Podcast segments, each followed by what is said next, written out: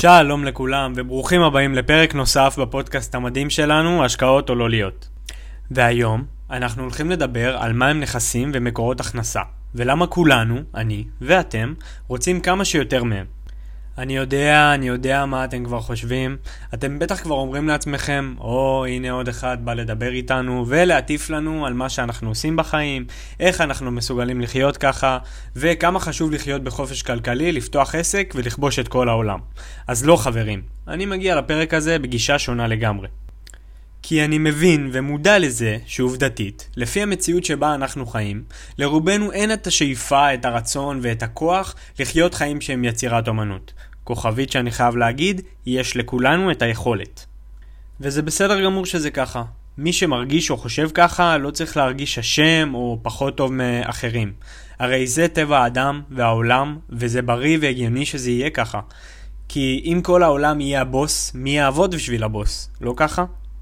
אבל מה שכן אני חושב, זה שכל אדם, ואני מדגיש, כל אדם צריך לעשות, זה לקחת אחריות. וכשאני אומר לקחת אחריות, אני מתכוון לאדם שהוא רווק, נשוי ואפילו גרוש. זה יכול להיות בשביל עצמנו, האדם שאנחנו, זה יכול להיות בשביל קבוצה כמו משפחה נוכחית שלנו, וזה יכול להיות בשביל העתיד, שבתכלס הוא כולל גם אותנו וגם את המשפחה העתידית שתהיה לנו. אבל לפני זה, מה זאת בעצם אחריות?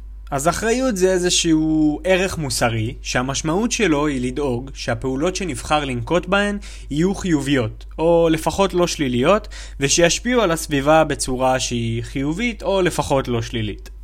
והקשר הזה, שבין אחריות לבין השקעות, נכסים ומקורות הכנסה, בעיניי הוא קשר ישיר. כי כמו שכבר בטח הבנתם, ואם לא אז כדאי, ואני ממליץ שתכתבו את זה לעצמכם בענק במקום שתוכלו לראות לפחות פעמיים ביום, וזה שאף אחד לא אחראי לגורלנו מלבד עצמנו. אנחנו בוחרים איזה בוקר יהיה לנו. אנחנו בוחרים מתי ללכת לישון. אנחנו בוחרים איך יראה המחר שלנו, השבוע שלנו, ואפילו העשור והחיים שלנו למשך שארית חיינו.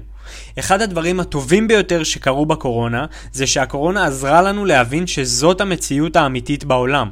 אולי באופן קצת מצער, בפעולות כואבות כמו פיטורים, חל"תים, מחלות ואפילו מוות, אבל לפחות השיעור נלמד.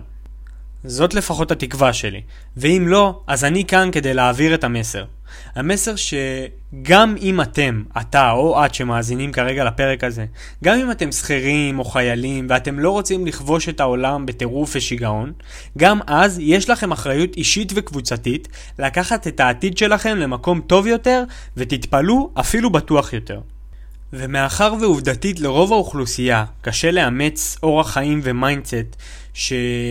מבוסס על לרוץ אל העונג, לרצות שיהיה טוב יותר מבלי שכרגע רע לי, אז ה mindset שאני מבקש מכם לאמץ הוא איפה אני נמצא במשבר הבא. האם אני מוכן אליו?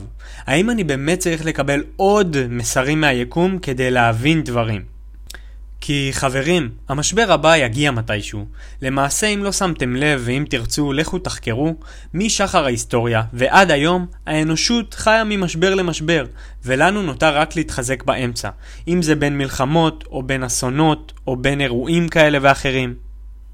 וההתחזקות שאני מדבר עליה צריכה להיעשות באמצעות צבירה של כמה שיותר נכסים ומקורות הכנסה, שההגדרה שלהם היא כל כך פשוטה, וגם את זה אני ממליץ לכם לכתוב.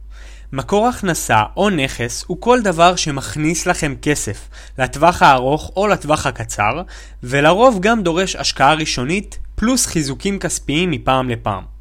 ובנימה זו אני מבקש מכם לא לפעול כמו רוב אוכלוסיית העולם, שחושבת בצורה של נטלים. לצורך העניין, הרבה מאוד אנשים חושבים שברשותם נכסים כמו דירה שבה הם גרים או מכונית שבה הם נוסעים, אבל אלה למעשה נטלים, כי א', הם לא עונים על ההגדרה של נכס או מקור הכנסה, וב', הם מוציאים לנו כסף מהארנק במקום להכניס אליו כסף. ומי שלא חי את העולם הזה ושומע כרגע את הפרק הזה, בטח שואל את עצמו, אוקיי יובל, אז מה הם נכסים? אז דוגמאות לנכסים יכולות להיות דירה להשקעה שאותה אנחנו מזכירים עבור אדם אחר, או תיק השקעות שאנחנו או מישהו אחר מנהל עבורנו, עסק כלשהו, או כל דבר אחר שתמורת משאב מסוים שנשקיע עכשיו, יכניס לנו כסף בזמן מאוחר יותר. ככה שאם תשאלו אותי, גם אם אתם שכירים וגם אם אתם עצמאים, אתם צריכים לדאוג שעל הכיסא שעליו אתם יושבים יהיו לפחות ארבע רגליים, שהם מטאפורה למקורות הכנסה, ולא רגל אחת או שתיים, כי הרי לא תוכלו לשבת על כיסא כזה לאורך זמן באופן יציב, נכון? עכשיו אתם צודקים, אל תחשבו שלרגע אחד אני מתעלם מהסיכון שכרוך בכל השקעה או יצירת מקור הכנסה או נכס כזה או אחר. אבל יש בעיה אחרת, רק המילה הזאת סיכון גורמת לפחד בקרב רוב אוכלוסיית המדינה שלנו, וזה משהו שצריך לדבר עליו. למה צריך לדבר עליו? כי בכל דבר יש סיכון. בלהתחתן, בלהביא ילד, בלהוציא רישיון נהיגה. אתם יודעים מה? אפילו בלעבוד כשכיר ולהחליף את הזמן שלך תמורת כסף. איך יש בזה סיכון? פשוט מאוד. כי אדם מסוים ישמע את הסכום שאותו אדם אחר מרוויח בסוף החודש ויגיד וואלה זה לא שווה לי את זה. ואדם אחר יכול לראות בעסקה שאותו אדם מרוויח בסוף החודש כעסקה ממש ממש שווה וטובה. אז בסופו של דבר, הכל תלוי במה שאנחנו נותנים בתמורה למה שאנחנו מקבלים, והאם אנחנו יכולים להשיג משהו טוב יותר עבור אותו משאב, אם זה זמן, כסף או אנרגיה שאנחנו בוחרים להשקיע במשהו. אני יותר מממליץ לכם לשמוע אנשים גדולים מדברים על הדבר הזה, על המונח הזה שנקרא סיכון. כי יש משפט אחד שמרק צוקרברג אמר פעם, שתמיד מלווה אותי, והמשפט הזה הוא, הסיכון הגדול ביותר בחיים הוא לא לקחת שום סיכון. וזה יכול להתלבש על כל סיטואציה בעולם. אני רוצה לתת דוגמה מיוחדת בעיניי. כולנו, או לפחות רובנו, מכירים את צ'ארלי דמיליו, הילדונת הזאת מהטיק טוק שרוקדת לה כל היום. תחשבו שאותה נערה, בת 16, לפני מספר שנים, אם אני לא טועה אי שם ב-2019, הייתה בוחרת, מתוך פחד, חרדה, חשש, בושה, שלא להעלות את הסרטון הראשון שלה, אם זה ריקוד או איזושהי בדיחה בסרטון. לא להעלות אותו. איפה היא הייתה נמצאת היום? אנחנו לא יודעים, נכון, אבל תראו איפה היא כן נמצאת היום, אחרי שהיא בחרה כן לקחת את הסיכון.